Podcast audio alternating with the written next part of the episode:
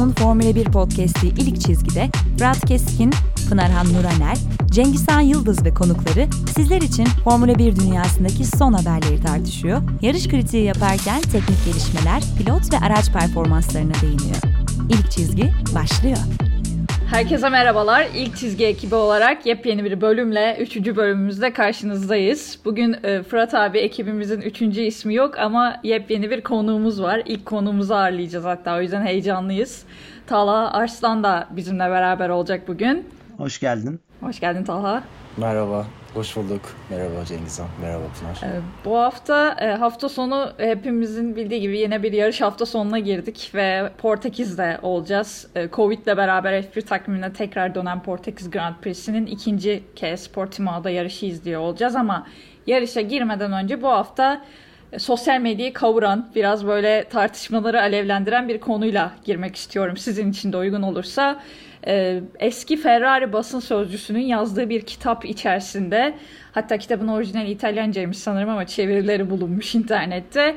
E, Ferrari takımının üst düzey yöneticileri dahil olmak üzere, üst düzey teknik isimlerin dahil olmak üzere 2018 sezonunda Sebastian Vettel'e çok da uygun olmayan bir isim takarak seslendiğini, e, özellikle sportif olarak belli kilolar aldığından dolayı e, bir isim taktıkları söyleniyor. E, tabii ki doğrulanmadı. Ferrari'nin çıkıp zaten biz böyle bir şey demedik ya da dedik diyeceğini hiç düşünmüyorum. E, ama ciddi tartışmalara yol açtı. Zaten e, Drive to Survive'dan sonra da e, Ferrari Vettel ilişkisine yeni bir boyut katılmıştı. Bu kitaptan sonra da tekrar yeni bir konu atıldı. E, Talha senle başlayalım istiyorsan. Sen ne düşünüyorsun? E, konuğumuz gelmişken ilk sözünü atmak istedim açıkçası. E, senin yorumlarını alalım burada ilk başta istiyorsan. Ee, yani evet ayrıldılar ama hala konu bitmedi. Çok çetrefilli bir ilişkinin devamı gibi gerçekten. Yani gerçek mi değil mi tabii bilmiyorum. Ama bence Vettel'in kariyerini özetleyen iki şey var. Benim aklımda iki tane detay var. Bir tanesi ilk yılın sonunda James Allison o zaman Ferrari'de çalışırken şey demişti. Bir takımda olmanın kıymetini bilen gerçekten iki kişiyle çalıştım. Biri Michael Schumacher'di, ikincisi de Vettel demişti. Ama bu anekdot çok takım duygusuna yakın bir anekdot değil. Yani sonuçta aynı hedefe koşması gereken insanların olduğu bir yapı ve fabrikada insanların başka insanlarla ilgili arkasından bu şekilde konuşması çok ideale yakın değil açıkçası. Olayın ne kadar doğru olduğunu, Vettel'in ne kadar formda olduğunu, ne kadar sporu e, bıraktı mı ne yaptı salmaya başladı bilmiyoruz tabii ki ama iyi bir şey değil kesinlikle ki Ferrari'nin gerçekten öğütme fabrikası, sürücü öğütme fabrikasına dönüştüğünü gösteren birkaç sürücü var. Özellikle işler kötü gittikten sonra. Aklımdaki diğer anekdot da şu ki bunu aslında geçen yıl çoğumuz şahit olmuşuzdur. 2020 boyunca Vettel her röportajında maskesini düzeltmek zorunda kaldı. 30 saniyede bir e, bir ince yapılı bir insan Vettel. Gerçekten ince bir vücudu ince bir suratı var. Ve o standart maske sürekli ağzından düşüp duruyordu röportaj, röportajlarda fark ettiyseniz. Aklıma şu geliyor. Yani koskoca bir takım 50 milyon dolar maaş ödediğiniz bir sürücü var. Yüz, yüz, yüzlerce milyon dolar kazanıyorsunuz ve takımın pilotlarından bir tanesine uygun bir tane maske yapmıyorsunuz ya da yapamıyorsunuz. Bir noktada sanki o ilişki koptu ve şey tarafı sanki biraz haklı. Hani o hikayeyi hep kim haklı kim haksız diye değerlendiriyoruz ve hep ortada bitiyor ya Vettel'in de hataları oldu Ferrari'nin de diye. Ben biraz hatayı daha çok Ferrari'de görme eğilimindeyim. Çünkü yani maske veremeyen bir takım size uygun bir arabayı da veremeyebilir sanki. Buradan bir çıkarım yapmak ne kadar doğrudur dinleyenlerin takdiri. Ama bu iki nüans hani sanki takım ve Vettel Ferrari uyumu ile ilgili sanki bize bir şeyler anlatıyor gibi.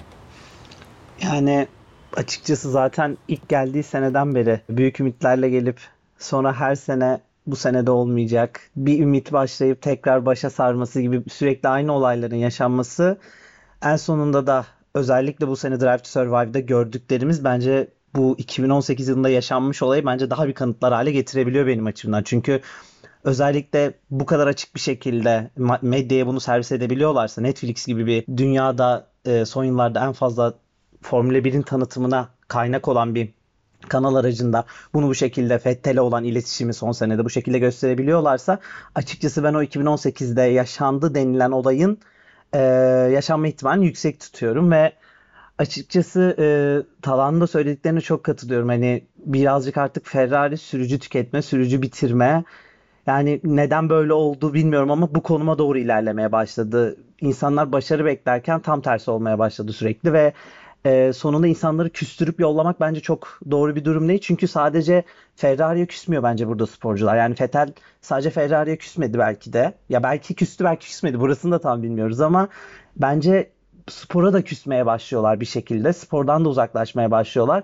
Belki tekrar gün yüzüne çıkabilecek, kendisini gösterebilecek bir başarısı veya yeteneği varken, o anki imkanı varken sırf bu yüzden daha her şey zora gidiyor, zora e, sokuyor sporcuların hayatını gibi düşünüyorum. Belki biraz abartıyorum ama son birkaç yıldır Ferrari'de olanları gördükçe, bu geri gidişatı gördükçe e, insanın bunları söylememesi de biraz garibime gidiyor. Bir e, açıkçası hem bir tifosi de olarak yani insanın içine oturmuş oluyor. O yüzden bilmiyorum yani Fethel'e yapılanlar hep bana yanlış geldi. E, aksine şöyle de bir şey oldu. Fethel'e olan sevgim daha da arttı ben bunları gördükçe. Fethel'e daha çok saygı duymaya başladım. Yani o sportif başarısının yanında insan olarak Fethel'e çok saygı duymaya başladım. O yüzden çok tartışılabilecek, üstüne konuşulabilecek bir konu ama kısacası benim için böyle bir anlam ifade ediyor. Evet, çok haklısın.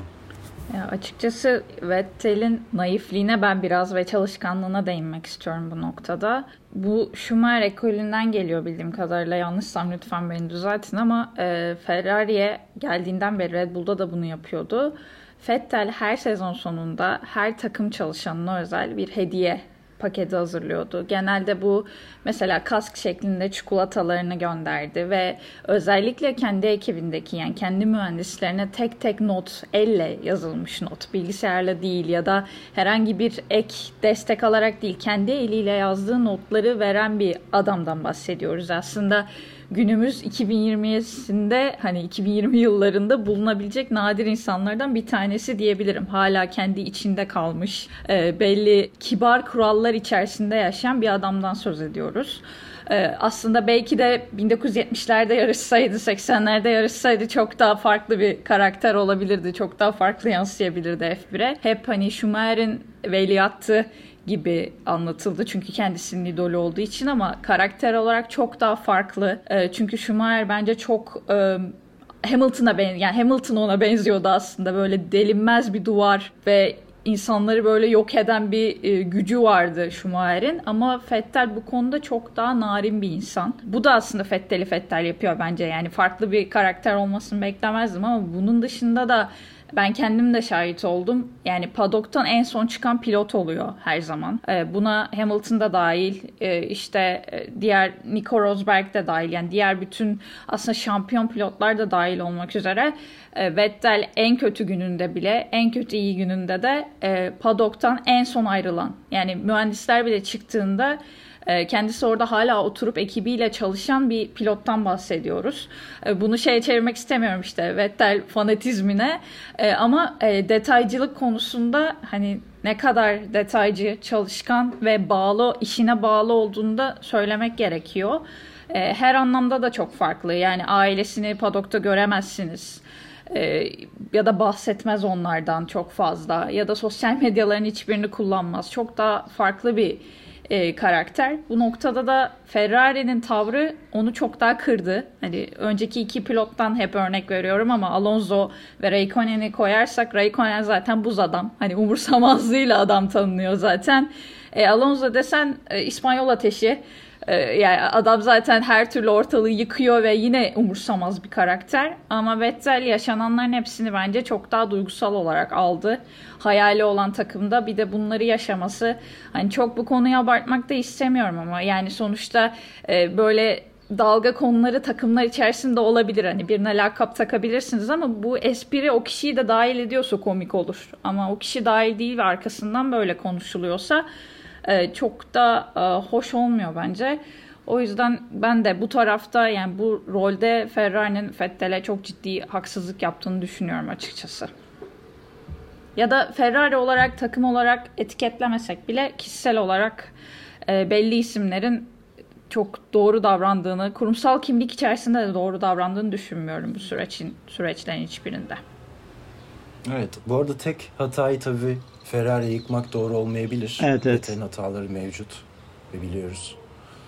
O notu düşmek gerekebilir bence. Özellikle 2017 Bakü'deki hatası bence her şeyin kırılma noktasıydı. Çünkü o noktadan sonra Hamilton'a karşı bir psikolojik savaş içerisinde buldu kendini ve o noktaya kadar ikilinin ilişkileri çok iyiydi. 2016'dan bir sürü yani video kaydı bulup izleyebilirsiniz, röportajlar vesaire. İkilinin arası gerçekten çok iyiydi ve çok saygı içerisinde bir ilişkileri vardı. Ama Rosberg Hamilton ilişkisinin yaşadığı kırılıma benzer şekilde bir kırılımı tam o noktada yaşadılar. Ortada kasıtlı ve kötü bir hareket vardı. Hatasını kabul etmesi zaman aldı vesaire ve o noktadan sonra Vettel sanki hep böyle mahcup gibiydi. Tavırları, hareketleri vesaire o eli kaybetti Hamilton'a karşı. Bir yandan o psikolojik etkiler, bir yandan işte takımın malum saçma sapan saçma sapan doğru bir kelime olmayabilir. Bir yandan takımın eee, yanlış stratejik ve taktiksel hamleleri, operasyonel hatalar vesaire birikince Vettel o detaylarda çok kaybolmaya başladı. Pınar'ın da dediği gibi çok detaycı bir pilot ve kafasını piste vermekte bir noktadan sonra haliyle zorlanmaya başladı sanki. Ama herhalde tü- tüm hikayenin iç yüzünü, iç yüzünü anlamak için biraz Vettel'in otobiyografisini beklemek zorundayız. O da muhtemelen bazı gizlilik anlaşmaları vesaire vardır. Ve herhalde birkaç yılı bulacaktır yazacaksa bile eğer öyle bir hikaye. Ama ya okumayı beklediğim yegane kitaplardan bir tanesi kendi adıma. Bakalım çıkacak mı? Çıkarsa ne zaman çıkacak? Ve ne kadar haklı çıkacak bu yorumlarımız? Ben e, konuyu çok uzatmadan son bir şey daha söylemek istiyorum Talhan'ın söylediğini. Hani bence geçen sene İstanbul yarışında sanki Vettel ile o Hamilton arasındaki şey kırılmış gibi oldu. Hani Hamilton artık o şampiyonluğu da alınca 7. şampiyonluğu ve Vettel'in de artık gideceği kesin olduğu için Ferrari'den hani eskisi kadar zaten son yıllarda bir şampiyonluk ihtimali çok yoktu ama eskisi özellikle 2018'den sonra ama eskisi kadar o ihtimalde kalmayınca bence Vettel de birazcık şey anladı hani o kendi içinden gelen naifliğiyle hani artık bunu da uzatmanın bir anlamı yok ve hani sporu son yıllarda ikisinin çok olarak ne kadar çok büyüttüğünü göstermek için belki de gitti ve bu konuşmayı yaptı orada Hamilton'la ve o belki o kırılma noktası tekrar bir daha yaşandı. Hani bunu da eklemeden geçmek geçmeyelim dedim. Bu arada şeyi de eklemek isterim ben. Ee, geçtiğimiz sezon bu e, diz çekme kneeling hareketi aslında Grosjean ve Vettel'den çıkıyor ilk başta ve Hamilton'a gidiyorlar. Yani Hamilton zaten bir şeyler yapmak istiyor bu konuda. Ee, ve Vettel ve Grosjean hadi böyle bir şey yapalım diyor ve bu hikaye de böyle başlıyor. Ee, o anlamda da e, ikilinin bence e, Formula 1'i bir e, kanaat lideri diyebileceğim noktada da ilerletmeleri var ve birbirlerine de destek oluyorlar. E, belki de işte yavaş yavaş o buzlar eridi ya da yani orada Vettel belki de hatalı olduğunu kabul ettikten sonra biraz daha hikaye değişti diye düşünüyorum. Ama ben bu arada Talha otobiyografi çıkacağına hiç hiç inanmıyorum. Yani çok çok isterim. Ama Vettel'in oturup e, hayatının gizli taraflarını açacağına hiç inanmıyorum. Keşke umarım öyle bir şey yapar ileriki noktalarda biz de okuruz bu hikayeleri. En azından belli bir noktaya kadar. Ben yazacağını düşünüyorum. Sonuçta extrovert bir karakter. O yüzden muhtemelen yani bilmiyorum tabii ki. Ha, göreceğiz kimin haklı çıkacağını ama biz bir umudum var. Umarım Umarım sen haklı çıkarsın bu arada. Evet kesinlikle okunacak bir kitap olur ve Türkçesi de yazılır muhtemelen. O kadar çok Türk hayranı var ki Vettel'in. Çok fazla var, çok fazla var.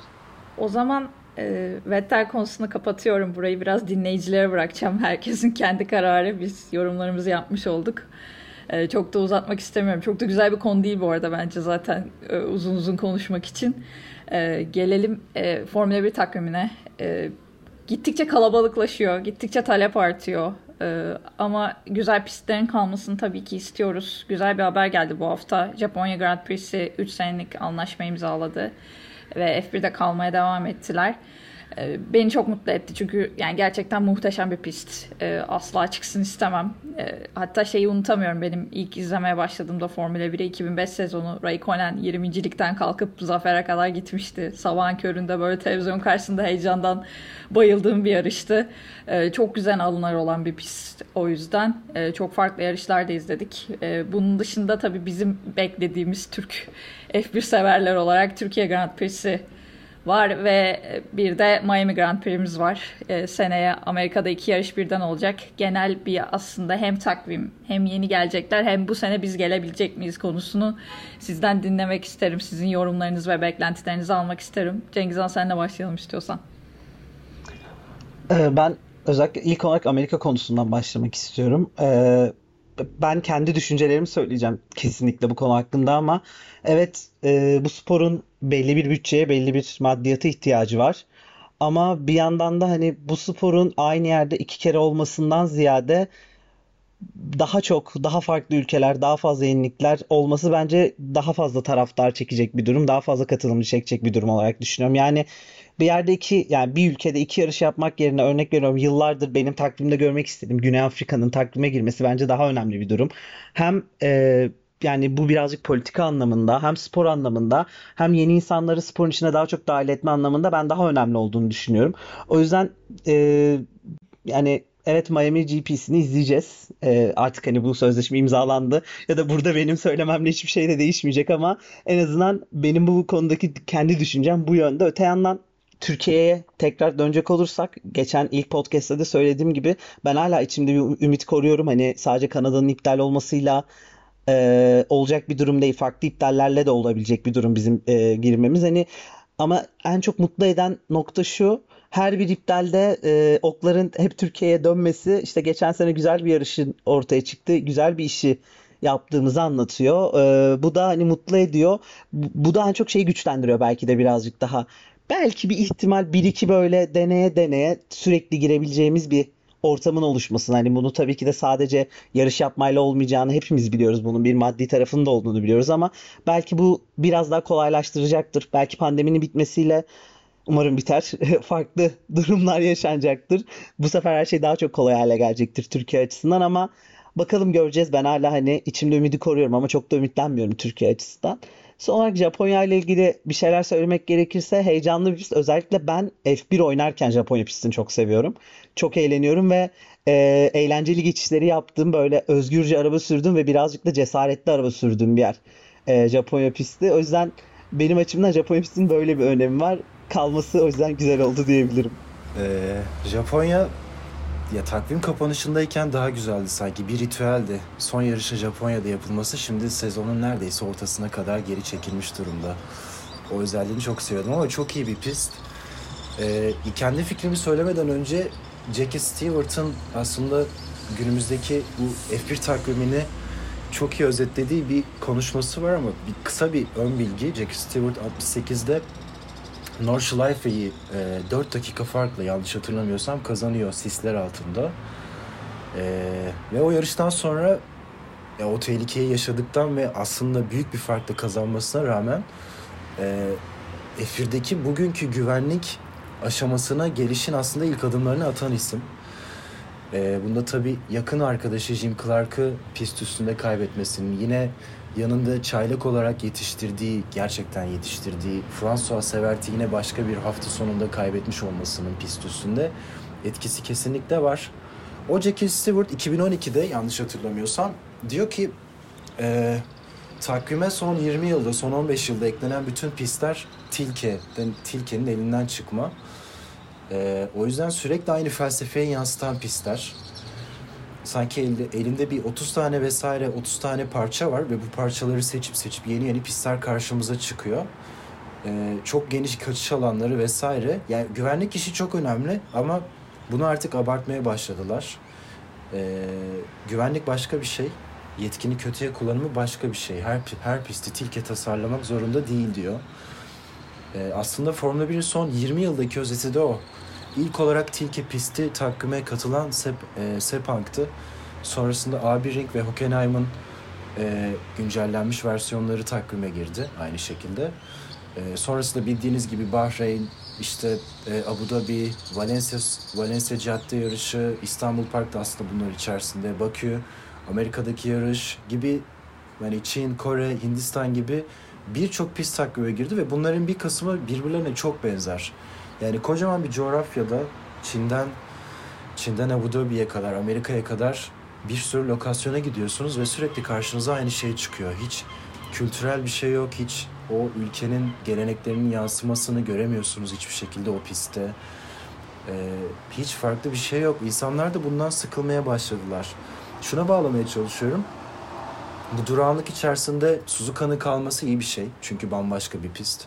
İstanbul Park her ne kadar tilki pisti olsa da geri dönmesi çok iyi bir şey. Türk olsanız da olmasanız da çok iyi bir şey. Çünkü kendi karakteristiği olan bir pist. Ee, Miami öyle olacak mı bilmiyorum. Tilke tasarlamıyor bildiğim kadarıyla ve e, farklı bir şey verecekse buyursun hoş gelsin. Görmek güzel olur. Ama F1 de şeyi keşfetti geçtiğimiz yıl pandeminin hani bir sürü kötü sonucun yanında iyi bir sonuç olarak bu takvime dönüşümlü olarak giren pistlerin ayrı bir heyecan kattığını gösterdi.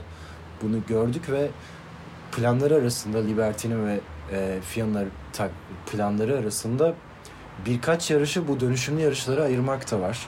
Takvime sürekli girip çıkan farklı tarzda pistler. Ne kadar farklı tasarımcının pistleri takvime girerse aslında o kadar bizim için farklı şeyler, sezon içerisinde farklı heyecanlar vaat edici, vaat edici, vaat edebileceğini düşünüyorum. Ee, yoksa diğer türlü gerçekten bir noktadan sonra özellikle sezonun sonlarına doğru bir sürü tilke yarışını izlediğimiz bir dönem oluyor ve artık eğer şampiyona da bittiyse geçen yılki önceki yılki Hamilton Mercedes dominasyonları gibi izlemenin pek de bir anlamı kalmıyor gerçekten. Çünkü şampiyon belli ve aynı yarışı izleyip duruyormuşsunuz gibi hissettiriyor. Bu yüzden Japonya'nın İstanbul'un ve iyi bir pist olacaksa, farklı bir şey sunacaksa Miami'nin takvime girmesi iyi bir şey. Her yeni pist yeni bir heyecan demektir. Yeter ki farklı bir şey vaat etsin bize. O zaman e, ben de son olarak şöyle bir ekleme yapayım. Kesinlikle çeşitlilik konusunda çok katılıyorum.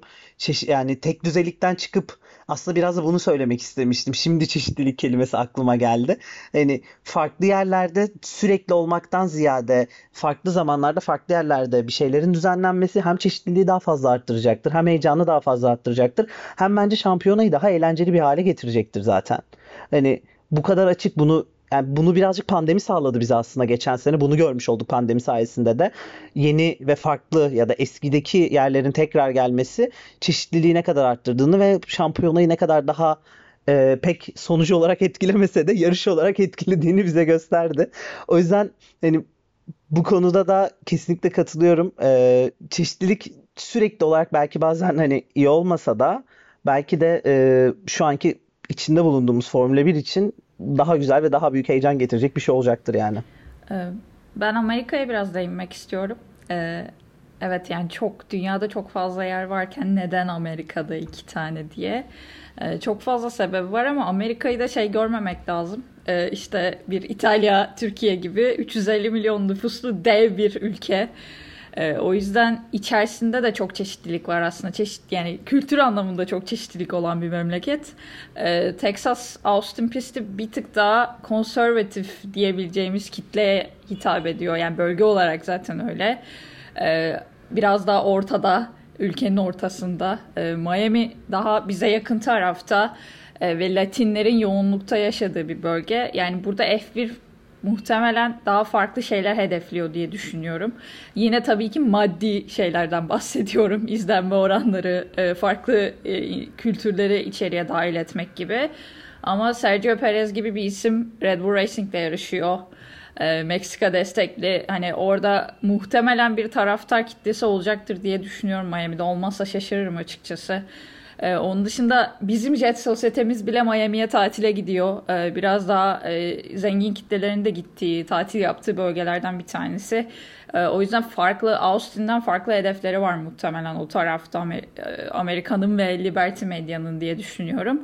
Ee, biraz da tabii son yıllarda F1'in Amerikanlaşmasını görüyoruz ee, çok farklı noktalarda. Çok böyle hurra gibi bir değişim olmadı. Hani bir anda her şeyi değiştirelim noktasına getirmediler. Ee, ama yavaş yavaş o Avrupa kültüründen çıkıyormuş gibi de hissediyorum. Ya da en azından belli noktalarda çıkarıyorlar.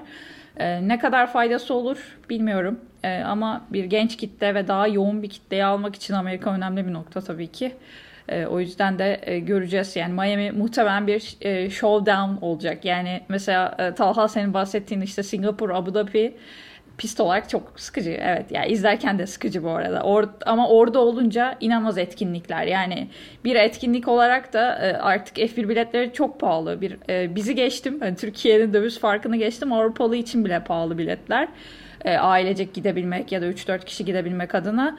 Oraya gittiğinizde de e, beklenti olarak işte konserde olsun, işte bungee jumping de yapayım, işte acayip bir böyle aksiyonlar da olsun beklentisi e, olmaya başladı, olmalı da F1'de. O yüzden işin biraz show tarafında güçlendireceğini düşünüyorum ben e, Miami Grand Prix'sinin.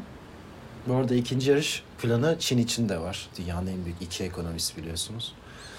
Biraz evet, ticari bir karar kesinlikle ama iyi bir şey çıkıp çıkmayacağını ancak yarışınca, yarışlar olunca görebileceğiz herhalde.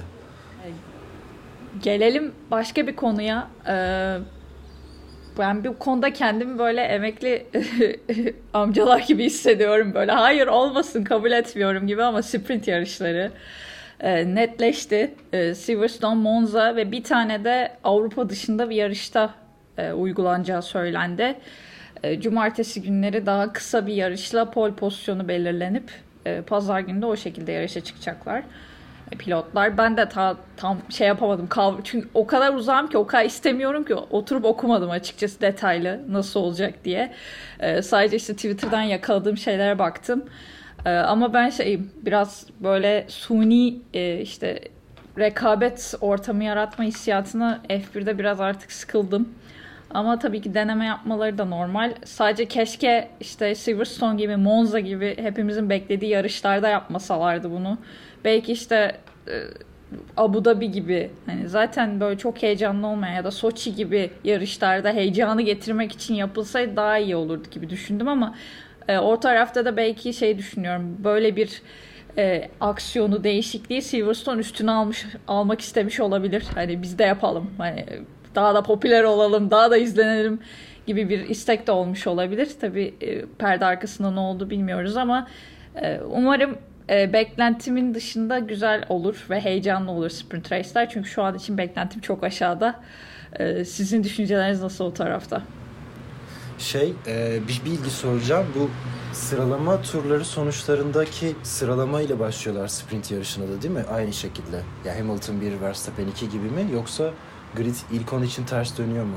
F2'dekine benzer şekilde. E, ters dönme olmayacakmış. Sıralamada belirlenen Tamam, okey. gibi olacak. Yanlış bilgi vermeyeyim. Ama sprint yarışına nasıl başlayacaklar onu bilmiyorum. Yani ne sıralamayla başlayacaklar sprinte bir önceki yarıştan gelenle mi ondan emin değilim. Qualifying sonucudur herhalde. İki yarışa da. Cuma günü cumartesinin kualifisi yapılacak galiba. Galiba değil öyle. Sonra cumartesi yarış sonucuna göre pazarın kualifisi belli olmuş olacak. 1-2-3'te 3-2-1 puan alacak. Evet aynen. Ben de öyle o şekilde biliyorum. Ya grid ters çevriliyor mu onu bilmiyorum aynen. ama herhalde çevrilmiyor. Yok grid ters çevrilmeyecek. Tamam. Yok yok. Okey. Aslında biz bu formatı zaten denedik bence. Geçtiğimiz yıl Monza'da ve Mugello'da, bu yılda yine Imola'da, üçü de İtalya topraklarında yapılan yarışlar ama e, kırmızı bayrakla yarış durdurulduktan ve tekrar başladıktan sonra herkes e, yarışı sonuna kadar aynı lastikle devam etti ve bitirdi. İkisinde de, üçünde de heyecan vardı. E, belki Mugello'yu hariç tutabiliriz. Çok erken çıkmıştı o kırmızı bayrak ama e, yani aslında teoride sürücülerin biraz daha flat out bir şekilde gidebileceği, lastikleri vesaire koruma derdinin biraz daha ikinci plana atılabileceği ve biraz daha aslında hani pist üstü mücadelede yarışmanın öne çıkartılması hedefleniyor biraz. Ee, çünkü pit stop yapamıyorsunuz. Lastik stratejisiyle yapabiliyorsunuz ama yapmak zorunda değilsiniz. Bu yüzden pist üstünde geçerek de bir yere gelebilirsiniz. Bu yüzden tekerlek tekerleğe savaşı ön plana çıkarma ihtimali var. Ancak bence iki tane çekince olabilir. Bunlardan bir tanesi e, o günkü yarışta yapılacak riskli bir hamle ertesi günkü yarışı çok etkileyebilir. Yani 3 puan için 2 puan riske atmazsınız. Galibiyet mücadelesi e, daha zevkli olsun diye biliyorsunuz 18-6-4 18-6-5-4-3-2-1 puan sisteminden 25-18-15'e çıkartıldı. Oransal olarak arada daha büyük bir fark var. Ee, şimdi 3-2-1'li bir yarışta 2 puan alırken 3 puan için çok büyük riskler almazsınız. Çünkü onu yaparken kaza yapma ihtimaliniz var ve bu yüzden o kadar büyük bir heyecan vermeyebilir. Bence şöyle bir çekince olabilir. Cumartesi günü yarışta çok büyük risk almak istemeyebilir pilotlar. Çünkü ertesi günkü yarışı bir kaza yaparak risk etmek istemezler. Eskiden 18-6-5-4-3-2-1 şeklinde bir puanlama sistemi vardı biliyorsunuz ve insanlar birincilik için, sürücüler birincilik için daha fazla mücadele etsin diye 25-18-15 gibi bir formata geçildi. Şimdiki Sprint Race'in puan formatı 3-2-1 şeklinde.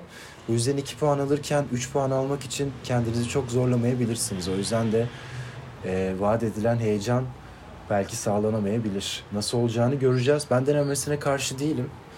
E, ama asıl hedef sanki 2022 kurallarıyla birbirini daha iyi daha kolay geçiş yapması hedeflenen araçlarla bunu bütün pistlerde yapıp yapabilir miyiz onu görmek. Çünkü şu anki araçlarla bunu Singapur'da yapamazsınız. 20 turluk bir sprint yarışını Singapur'da hayal edemiyorum. Yani hiçbir amacı yok. Herkes birbirini takip eder ve finish'e gelir. Ama 2022 araçlarıyla yapabilirsiniz. O yüzden denemekte zarar yok. Ama tutmazsa da çok sanki zorlamamak lazım.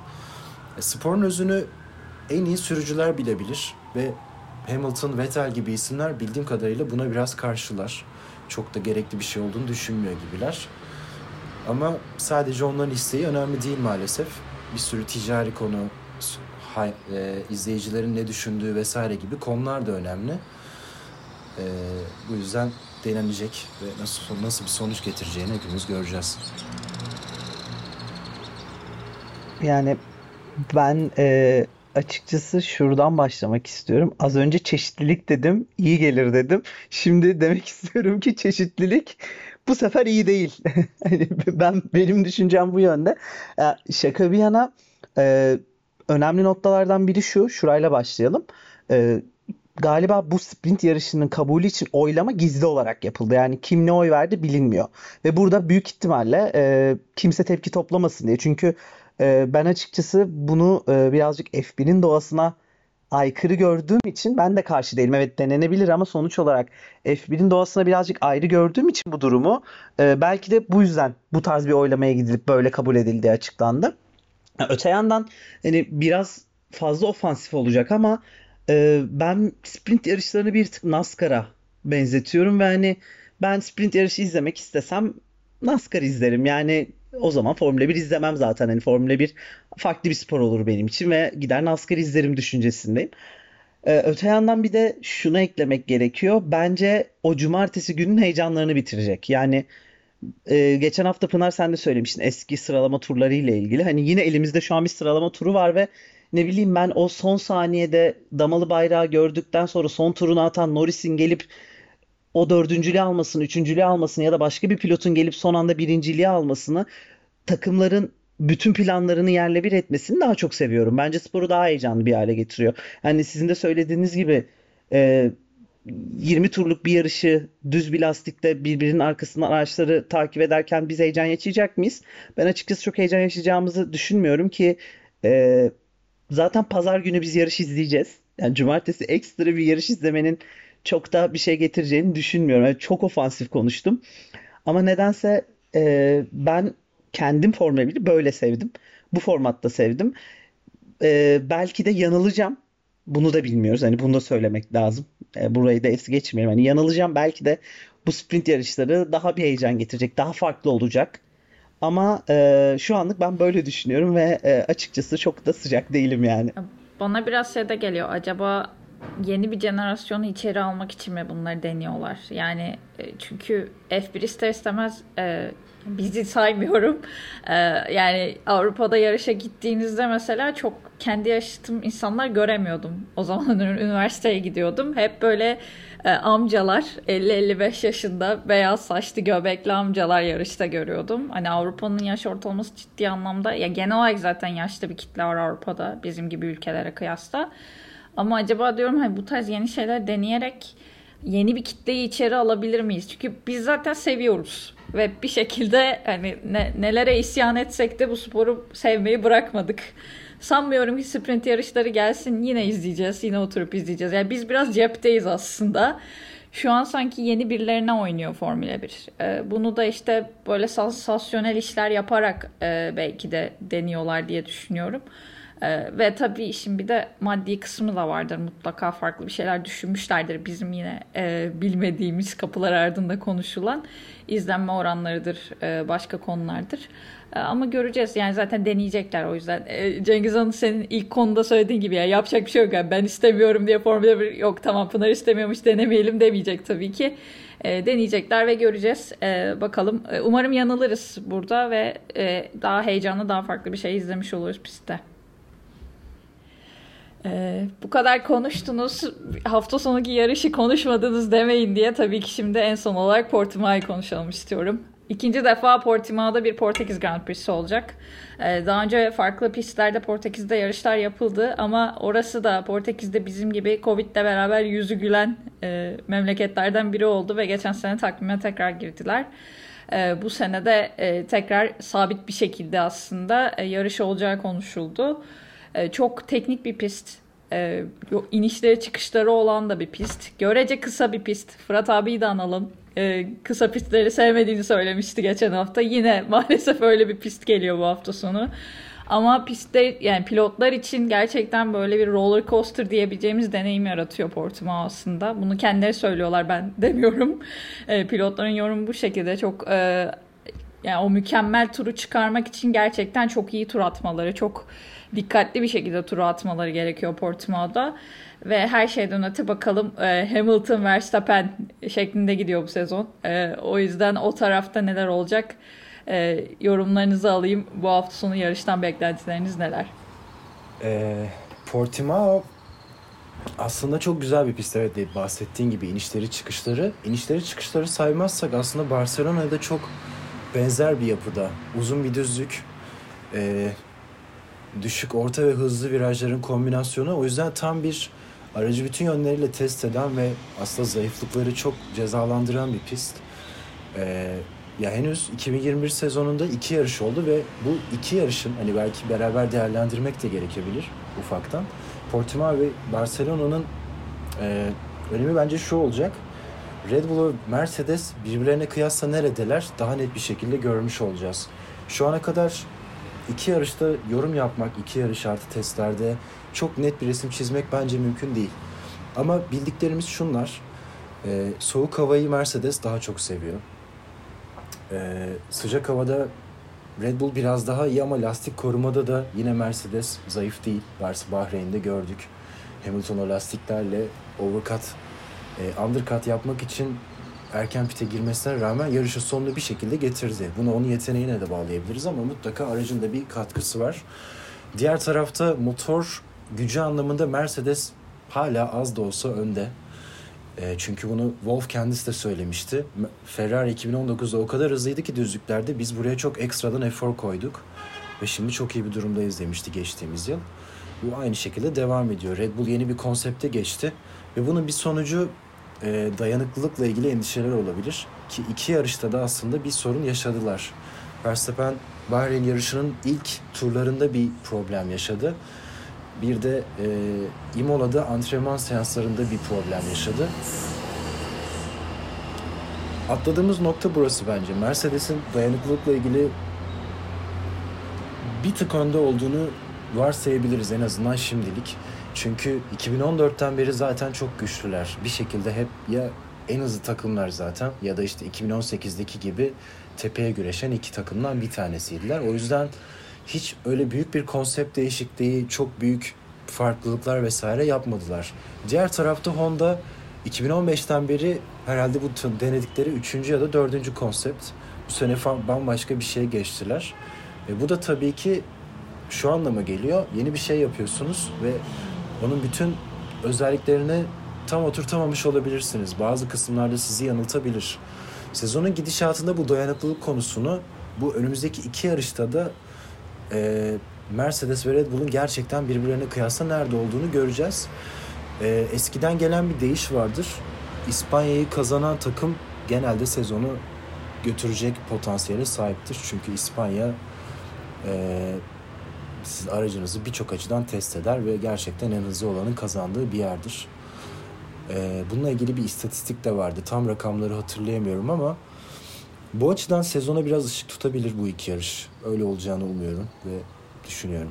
Ben e, şu an Portimao'dan önce birazcık daha takım içi savaşlarla bir giriş yapmak istiyorum bu haftaya. Çünkü Helmut Marko yaptığı açıklamalarda Mercedes'in Red Bull'a geçmek isteyen, Red Bull'a geçmeyi düşünen özellikle e, bu konuda hani geçiş Red Bull'a geçiş muhabbetleri çıkan mühendis ekiplerinin Mercedes tarafından engellendiği hakkında düşünceleri olduğunu açıkladı. Hani Mercedes bunu bilerek engelliyor işte onların bize geçişini ve e, bir öte yandan Mercedes'in bu geçişlerle ilgili tabii ki de tedirginlikleri var. Sonuçta yıllardır oluşturmuş oldukları o kendi teknik sistemleri, kendi teknik altyapıları bir anda şu an var olan en büyük rakiplerine taşınacak gibi bir şüpheleri ve tedirginlikleri var. O yüzden hani bu bence sezonun gidişatını bu da etkileyecek olan bir şey. İlk programda da söylemiştik hani Mercedes'te bir şeyler oluyor ama acaba neler oluyor? Hani e, belki yanılıyoruzdur hiçbir şey olmuyordur. Belki bir şeyler olacaktır. Sanki Mercedes'te bir şeyler oluyor ya gidiyormuş gibi bir durum var. Hani Portimao'dan önce e, buraya birazcık dikkat çekmek istedim. Öte yandan e, zaten Talha yeterince hem teknik anlamda hem yarışla ilgili güzel güzel detay verdi. O yüzden tekrar etmenin çok bir anlamı yok ama e, ben ek olarak şunu merak ediyorum. Ferrari'nin zaten hızlandığını görüyoruz ama e, geçen yarışta sonuçta bir e, yağmur ayarlarıyla çıktıklarını açıkladılar ve şimdi yağmur olmayacak gibi gözüküyor Portimao'da. Bakalım bu sefer ne olacak? E, Ricardo yine bu kadar yavaş kalırsa Ferrari ne kadar daha fazla kendini gösterebilecek? E, bu benim için aslında önemli birazcık. Alonso daha iyi olacaklarını öne sürmüş. Daha fazla puan alabileceklerini öne sürmüş. Bakalım Alonso haklı çıkabilecek mi? Perez şanssızlığını kırıp bu sefer 3. yarışta yani bence ilk yarışta zaten gösterdi o koltuğu hak ettiğini de.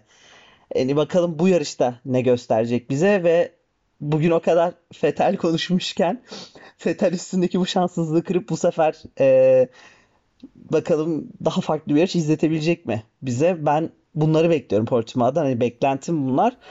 Bunların olacağı yönünde düşüncelerim var. Hepsini hafta sonu hep birlikte izleyip göreceğiz yani.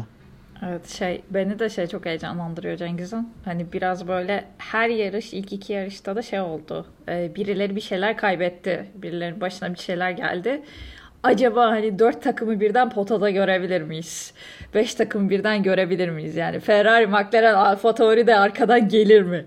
Ee, daha da karışır mı ortalık ee, şeyi var. Çünkü şu an biraz daha Hamilton Verstappen üzerine dönüyor. Yani maalesef işte ikisi kazandığı için ilk iki yarışı ve yani en büyük adaylar oldukları için dışarıdan hani bir betting şirketi de olsanız herhalde o ikisine yatırırdınız bu sezon öncesinde muhtemelen. Ama diğer isimler de katılırsa daha da ortalık karışacak gibi hissediyorum. Öyle bir sezona da ihtiyacımız var. Özellikle bir Covid ortamında hepimizin bir buçuk senedir evde olduğu ortamda bu tarz bir sezona da ihtiyacımız var. Ee, umarım o heyecanı da getirir ve biraz da şeyi de sağlar. Ee, Talhan'ın da söylediği gibi hani hem testlerde aslında farklı bir pist görmedik. Hep Bahreyn'i gördük ve Bahreyn bizim için çok sezonu anlatan bir pist değil e, genel anlamda. E, hiç Barcelona'da teste gidemediler. Çok az test yapabildiler. E, gittiğimiz yarışlar da çok o anlamda şey olmadı. Hani artık böyle yavaş yavaş e, takımların da araçları anlayabilecekleri ve belki ona göre gelişme yapabilecekleri pistlere geliyoruz. E, çünkü hep zaten klasiktir. Hani Barcelona'da işte takımlar şöyle bir aerodinami gelişmesiyle geldi. Böyle bir paketle geldiler gibi değişiklikleri yaptıkları pistler bunlar zaten. E, biraz da sezonun kırılma noktaları. E, o yüzden o anlamda da heyecanlı bir yarış bizi bekliyor. E, bakalım hafta sonu o ortalık nasıl olacak? E, kimleri bu hafta sonu? Bir, bir sonraki podcast'te bakalım kimleri konuşuyor olacağız. Heyecanla bekliyorum açıkçası.